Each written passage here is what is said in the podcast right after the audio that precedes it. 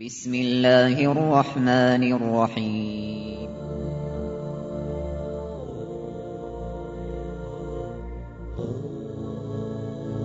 الرحمن العزيز الرحيم القوي السلام الكريم العظيم البصير العليم الحكيم الجبار.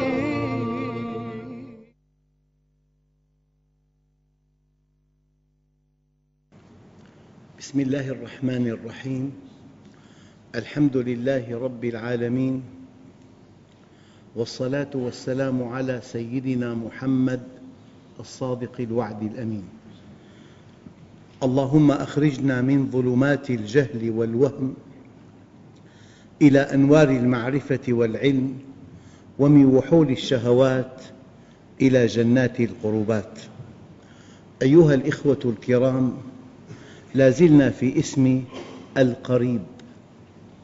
والآية التي ورد فيها اسم القريب وإذا سألك عبادي عني فإني قريب. أجيب دعوة الداعي إذا دعان فليستجيبوا لي وليؤمنوا بي لعلهم يرشدون. وقبل أن نقف عند تفاصيل هذه الآية لا بد من التنويه إلى أن في القرآن الكريم عدداً ليس بالقليل من الآيات يبدأ يسألونك عن الخمر والميسر قل فيهما اسم كبير يسألونك ماذا ينفقون قل العفو يسألونك عن المحيض قل هو أذى فاعتزلوا النساء في المحيض آيات كثيرة هذه صيغتها يسألونك ويأتي الجواب. قل. إلا في هذه الآية الوحيدة. وإذا سألك عبادي عني ليس هناك فقل. وإذا سألك عبادي عني فإني قريب. استنبط العلماء أنه ليس بين الله وبين عبده وسيط. أبداً. ليس بين الله وبين عبده وسيط إذا قلت يا رب تبت إليك يقول الله لك وأنا قبلت يا عبدي. لكن الآية الأخرى التي تقول يا أيها الذين آمنوا اتقوا الله وابتغوا إليه الوسيلة. ما معنى الوسيلة؟ في هذه الآية؟ قال العلماء الوسيلة هي العلم اطلب العلم كي تعرف الله عز وجل. والوسيلة العمل الصالح. قل إنما أنا بشر مثلكم يوحى إلي أنما إلهكم إله واحد. فمن كان يرجو لقاء ربه فليعمل عملاً صالحاً. فالعمل الصالح وسيلة والعلم وسيلة وإنفاق المال وسيلة وصحبة الصالحين وسيلة. لكن صحبة الصالحين لا تزيد عن أن هذا الذي تجلس معه يدلك على الله مقاله وينهض بك إلى الله حاله. وفوق ذلك لا يقبل إطلاقاً لأن الله عز وجل حينما خاطب نبيه عليه الصلاة والسلام قال له قل لا أعلم الغيب. ليس على وجه الأرض إنسان بما فيهم النبي يعلم الغيب. الآن أي إنسان يدعي علم الغيب؟ والآن في قنوات تؤكد أن هذا الذي تسأله يعلم الغيب. يقول لك بعد عشرين يوم سيكون كذا. هذا كذب ودجل وبهتان. إذا كان سيد الخلق وحبيب الحق لا يعلم الغيب. لا يستطيع إنسان على وجه الأرض أن يدعي أنه يعلم الغيب. لذلك من أتى كاهنا فصدقه فقد كفر. بما أنزل على محمد. فقد كفر. لذلك من أتى ساحراً فلم يصدقه لم تقبل له صلاة أربعين صباحاً ولا دعاء أربعين ليلة. إذا سيد الخلق وحبيب الحق لا يعلم الغيب. قل إني أخاف إن عصيت ربي عذاب يوم عظيم. ما في بالإسلام درجة الإنسان إذا بلغها لا تضره معصية. مستحيل. إذا كان سيد الخلق وحبيب الحق يأمره الله أن يقول قل إني أخاف. إن عصيت ربي عذاب يوم عظيم. إذا لا يجرؤ إنسان أن يدعي ذلك. الآية الثالثة قل لا أملك لكم نفعاً ولا ضرا. إذا كان سيد الخلق وحبيب الحق لا يملك لنا نفعاً ولا ضرا. هل يستطيع إنسان أن يدعي ذلك؟ الآن قل لا أملك لنفسي نفعاً ولا ضرا. إذا كنت لا أملك لنفسي نفعاً ولا ضرا فمن باب أولى أنني لا أملك لكم نفعاً ولا ضرا. لذلك أنت بهذه الآيات تركل بقدمك ألف قصة تخالف هذه الآيات. العلم سلاح. لذلك العلم وسيلة لمعرفة الله. يا أيها الذين آمنوا اتقوا الله وابتغوا إليه الوسيلة. والعمل الصالح وسيلة وإنفاق المال وسيلة وصحبة الصالحين وسيلة في حدود أن هذا الصالح لا تزيد مهمته عن أن يرقى بك إلى الله حاله ويدلك على الله مقاله. وفوق ذلك القدوة هو رسول الله. يا عائشة كان على السرير تمرة. يا عائشة لولا أنني أخشى أن تكون من تمر الصدقة لأكلتها هكذا كان ورع النبي عليه الصلاة والسلام. يا رسول الله مثل بهم مثلوا بعمك. قال لا أمثل بهم فيمثل الله بي ولو كنت نبيا. بهذه الآيات يمكن أن تركل بقدمك ألف قصة تتناقض معها. فلذلك يا بني العلم خير من المال سيدنا علي لأن العلم يحرسك وأنت تحرس المال والمال تنقصه النفقة والعلم يزكو على الإنفاق. يا بني مات خزان المال وهم أحياء والعلماء باقون ما بقي الدهر. أعيانهم مفقودة وأمثالهم في القلوب موجودة. إذا وإذا سألك عبادي عني فإني قريب. لم تأتي في هذه الآية كلمة قل أي أنه ليس بين العبد وبين ربه وسيط. لذلك الآن معظم الناس خطأ منهم. يقولون لك أجري لي استخارة أستاذ. الاستخارة بينك وبين الله مباشرة ولا تكون الاستخارة نيابة. وبالوساطة بتقول آنستي عملت لي استخارة أنت أجري استخارة فيما بينك وبين الله. نعم. وإذا سألك عبادي عني فإني قريب. أنا معهم. أنا أقرب إليهم من حبل الوريد. أنا أسمع صوتهم. وأرى حركتهم. وأنا مطلع على ما في قلوبهم. إن تكلموا أنا سميع بصير. إن تحركوا أنا سميع بصير. إن أضمروا أنا مطلع عليهم لا تخفى عليه خافية.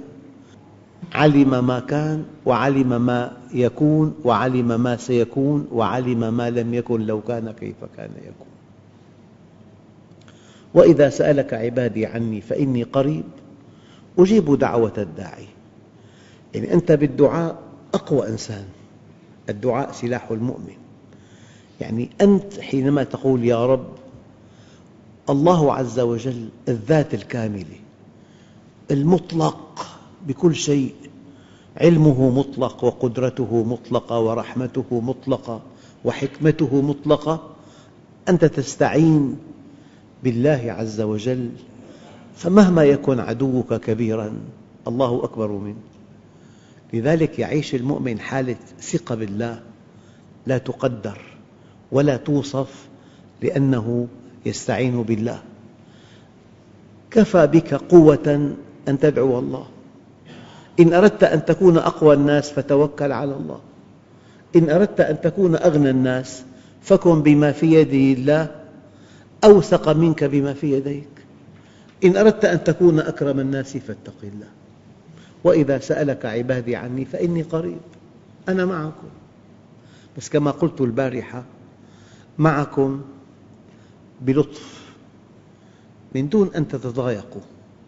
معكم وأنتم مرتاحون. معكم بعلمي. مع أي إنسان بعلمي. وهو معكم أينما كنتم بعلمه. لكنني مع المؤمنين بالتوفيق وبالحفظ وبالتأييد وبالنصر. هذه المعية المعية الخاصة لها ثمن وقال الله إني معكم لئن أقمتم الصلاة. الثمن أن تقيم الصلاة وأن تؤتي الزكاة وأن تصاحب رسول الله صلى الله عليه وسلم إن في حياته أو بعد موته عن طريق تطبيق سنته. وإذا سألك عبادي عني فإني قريب أجيب دعوة الداعي إذا دعاني حقا إذا دعاني مخلصا. إذا اتكل علي ولم يكن الدعاء شكليا ولا أجوفا دعاني وهو موقن أنني قادر على إجابته. لذلك الدعاء يحتاج إلى عناصر. أول عنصر أن توقن أن الله يسمعك. موجود موجود أولاً ويسمعك ثانياً وهو قادر على تحقيق دعائك ثالثاً وهو يحب أن يرحمك رابعاً. موجود ويسمع وقادر ويحبك. لذلك قال تعالى قل ما يعبأ بكم ربي لولا دعاؤكم. يعني لا يكترث الله بكم لولا أنكم تدعونه لأن الدعاء هو العبادة وإذا سألك عبادي عني فإني قريب أجيب دعوة الداعي إذا دعان من أجل أن يكون عبادي مستجابي الدعوة؟ من أجل أن تكون أيها المؤمن مستجاب الدعوة؟ من أجل أن يكون الدعاء سلاحك؟ من أجل أن تكون أقوى الناس بالدعاء؟ استجب لله بعد أن تؤمن به. آمن به أولاً واستجب له ثانياً عندئذ تغدو مستجاب الدعوة. إذا آمنوا واستجابوا وأخلصوا في دعائهم لعلهم يكونون من مستجابي الدعوة وهو مقام كبير في سلم الإيمان. فلان مستجاب الدعوة. إلا أن العلماء استثنوا إنسانين من وجوب تحقق شروط الدعاء. المضطر يستجيب الله له ولو لم يكن أهلاً للدعاء. يستجيب له لا بأهليته ولكن برحمته. والمظلوم يستجيب الله له لا بأهليته ولكن بعدله. المضطر يستجيب الله له لا بأهليته ولكن برحمته والمظلوم يستجيب الله له لا بأهليته ولكن بعدله. وإذا سألك عبادي عني فإني قريب أجيب دعوة الداعي إذا دعان أيها الأخوة الله عز وجل قريب من كل مخلوق بمعنى لا تخفى عليه خافية. الله عز وجل قريب من كل مؤمن بمعنى أنه يستجيب له. والآية الأخرى ادعوا ربكم تضرعا وخفية. إنه لا يحب المعتدين. يعني مستحيل وألف ألف مستحيل أن تكون معتديا على خلق الله وتقول له يا رب استجب لي. كأن الله عز وجل من خلال هذه الآية يقول لك لن أستجيب لك لأنك من المعتدين. لن تستطيع أن تسأل الله شيئا إلا إذا كنت محسناً. لذلك ولا تفسدوا في الأرض بعد إصلاحها وادعوه خوفاً وطمعاً إن رحمة الله قريب من المحسنين. الذي وقع في مخالفة شرعية وفي أكل مال حرام وفي تقصير في العبادات لا يستطيع أن يدعو الله. يدعو الله شكلاً بلسانه لكن قلبه محجوب عن الله عز وجل وأكبر عقاب يعاقب به الإنسان أنه يحجب عن الله عز وجل. كلا إنهم عن ربهم يومئذ لمحجوبون. تروي الكتب أنه شاب له شيخ. سمع من شيخه هذه المقولة إن لكل معصية عقاباً. زلت قدمه فبحسب مقولة الشيخ هو ينتظر العقاب. مضى يوم يومين أسبوع أسبوعين ما صار شيء معه. صحته طبيعية بيته أولاده زوجته مركبته ما في شيء قصة رمزية هي. في أثناء المناجاة قال يا رب لقد عصيتك فلم تعاقبني. قال وقع في قلبه أن يا عبدي قد عاقبتك ولم تدري. ألم أحرمك لذة مناجاتي؟ ألا تكفيك ذلك؟ المؤمن له صلة بالله يسعد بهذه الصلة فإذا زلت قدمه يحجب عن الله. والأب الأب العظيم المربي الحكيم لا يحتاج إلى أن يضرب ابنه إطلاقا. إطلاقا. يكفي أن يعرض عنه. يحترق الإبن. يكفي أن تسكت. يكفي ألا تنظر إليه وهو على الطعام. يكفي ألا تصغي إليه. تحرقه. لذلك قالوا من أطاع عصاك فقد عصاك. من أطاع عصاك فقد عصاك. يعني الذي لا يطيعك إلا إذا هددته فهو من أعدائك أما المحب يخاف على محبة محبوبه لذلك يعني أكبر شيء يدفع المؤمن إلى طاعة الله يخاف أن تنقطع الصلة بينه وبين الله لماذا يستقيم؟ لماذا يحاول أن يكون ورعاً تماماً؟ لماذا يطبق الأمر تماماً؟ لأنه ينعم بصلة بالله هي أسمن ما في الحياة. لذلك قال بعض العلماء مساكين أهل الدنيا جاءوا إلى الدنيا وغادروها ولم يذوقوا أطيب ما فيها. إنها الصلة بالله. وهذا العالم قال نفسه ماذا يفعل أعدائي بي؟ بستاني في صدري. إن أبعدوني فإبعادي سياحة. وإن حبسوني فحبسي خلوة وإن قتلوني فقتلي شهادة. فماذا يصنع أعدائي بي بستاني في صدري؟ وقد قال هذا العالم أيضا في الدنيا جنة من لم يدخلها لم يدخل جنة الآخرة. في الدنيا جنة. وبعضهم قال ولمن خاف مقام ربه جنتان؟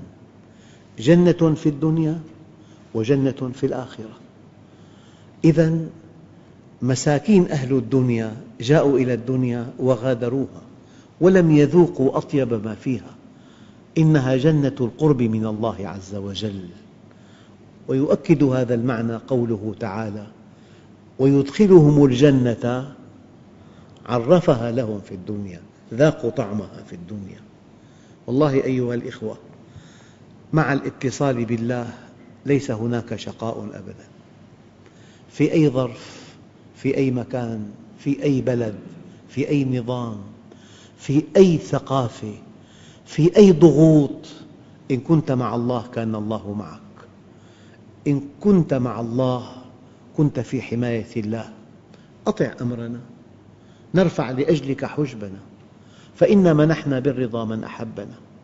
ولذ بحمانا واحتمي بجنابنا لنحميك مما فيه أشرار خلقنا. وعن ذكرنا لا يشغلنك شاغل وأخلص لنا تلقى المسرة والهنا. وسلم إلينا الأمر في كل ما يكن فما القرب والإبعاد إلا بأمرنا. أيها الإخوة القرب إما قرب علم لكل الخلق أو قرب إكرام للمؤمنين. فإني قريب. أنا معك. قالا ربنا إنا نخاف أن يفرط علينا أو أن يطغى. يعني أيام يكون ما في تناسب إطلاقا. شرذمة قليلة مضطهدة تعامل معاملة في الدرجة العاشرة. آه، ليس لها أي حق عليها كل واجب. شرذمة قليلة وفرعون بجبروته وقوته وحقده وأسلحته وإصراره على سحق هؤلاء. ما في تناسب. قالا ربنا إنا نخاف أن يفرط علينا أو أن يطغى. سيدنا موسى وأخوه. ربنا إنا نخاف أن يفرط علينا أو أن يطغى. قال لا تخافا إنني معكما أسمع وأرى. سيدنا موسى مع أصحابه وقال أصحاب موسى إنا لمدركون. انتهينا. كم مسلم يقول الآن انتهينا؟ يقول لك قوى الأرض تحاربنا العالم كله يحاربنا انتهينا. وقال أصحاب موسى إنا لمدركون قال كلا كلا إن معي ربي سيهدين. والله أيها الإخوة أخشى ما أخشاه أن تضعف الهمم من الداخل أن نهزم من الداخل. من الخارج لا قيمة لهذا الذي يجري. إن شاء الله سحابة صيف ولكل أمة أجل. وينتهي أجل هؤلاء. ويحق الله الحق ويبطل الباطل لكن الخطر أن نهزم من الداخل. إذا إن رحمة الله قريب من المحسنين. أخواننا الكرام النعمان ابن البشير رضي الله عنهما قال قال عليه الصلاة والسلام الدعاء هو العبادة. وقرأ ادعوني أستجب لكم. إن الذين يستكبرون عن عبادتي سيدخلون جهنم داخرين. فقال أصحابه يا رسول الله أقريب ربنا فنناجيه أم بعيد فنناديه؟ أقريب ربنا فنناجيه أم بعيد فنناديه؟ فنزلت وإذا سألك عبادي عني فإني قريب. أجيب دعوة الداعي إذا دعان فليستجيبوا لي وليؤمنوا بي لعلهم يرشدون. هذا عن قرب الله منك. عن قرب الله القرب الذي يعلم سرك ونجواك. وعن قرب الله القرب الذي يكرمك بالتوفيق والتأييد والنصر. فماذا عن قربك منه؟ هو قريب منك هل أنت قريب منه؟ متى تقترب من الله؟ اسمعوا الحديث الشريف عن أبي هريرة رضي الله عنه أن رسول الله صلى الله عليه وسلم قال السخي قريب من الله قريب من الناس قريب من الجنة بعيد من النار والبخيل بعيد من الله بعيد من الناس بعيد من الجنة قريب من النار. ولجاهل سخي أحب إلى الله تعالى من عابد بخيل. إن رحمة الله قريب من المحسنين. إن كنت محسناً فأنت قريب من الله. الإحسان المطلق أن تحسن في بيتك. النبي عليه الصلاة والسلام يستوصيك بالنساء خيراً. أن تحسن إلى أولادك أن تحسن إلى جيرانك أن تحسن في عملك أن تقدم شيء جيد بسعر معتدل بمعاملة طيبة. الإحسان واسع جدا. إن الله كتب الإحسان على كل شيء.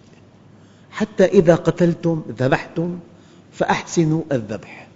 وليحد أحدكم شفرته وليرح ذبيحته. صفة المؤمن أنه محسن وصفة غير المؤمن أنه مسيء وشتان بين الإحسان والإساءة. صفة المؤمن أنه محسن وغير المؤمن مسيء. نعم. يعني عمله يقيم إجمالاً. محسن في, كلامه محسن في ابتسامته محسن في أخلاقه محسن. مع أقرب الناس له مع زوجته محسن مع أولاده محسن مع بناته محسن. يعني كأن المؤمن في قلوب الخلق. هذا معنى قوله تعالى للتقريب إن إبراهيم كان أمة أمة. في إنسان ما له عمل صالح أبدا. الناس يستوحشون منه. في إنسان الناس جميعا يحبونه. لذلك من علامة حب الله لك أن يلقي محبتك في قلوب الخلق. من علامة حب الله لك أن يلقي محبتك في قلوب الخلق ينادى له في الكون أنا نحبه فيسمع من في الكون أمر محبنا. ينادى له في الكون أنا نحبه فيسمع من في الكون أمر محبنا. وهذا معنى قوله تعالى وألقيت عليك محبتي ألقيت عليك محبتي. يعني جعلت الخلق يحبونك. في إنسان مبغوض لا يحبه أحد. متكبر. أناني يحب ذاته. يحب أن يأخذ لا أن يعطي. يحب أن يستعلي لا أن يتواضع. فلذلك صفات المؤمن تؤهله أن يكون محبوباً عند كل الخلق. اسم القريب أيها الأخوة يجب أن يكون قريباً من المؤمن لأنه معك تسأله فيجيبك تتقرب منه فيقبلك تستعين به فيعينك تتوكل عليه فهو حسبك ونعم النصير. لذلك من عرف الله عرف كل شيء ابن آدم اطلبني تجدني فإذا وجدتني وجدت كل شيء وإن فتك فاتك كل شيء وأنا أحب إليك من كل شيء والحمد لله رب العالمين.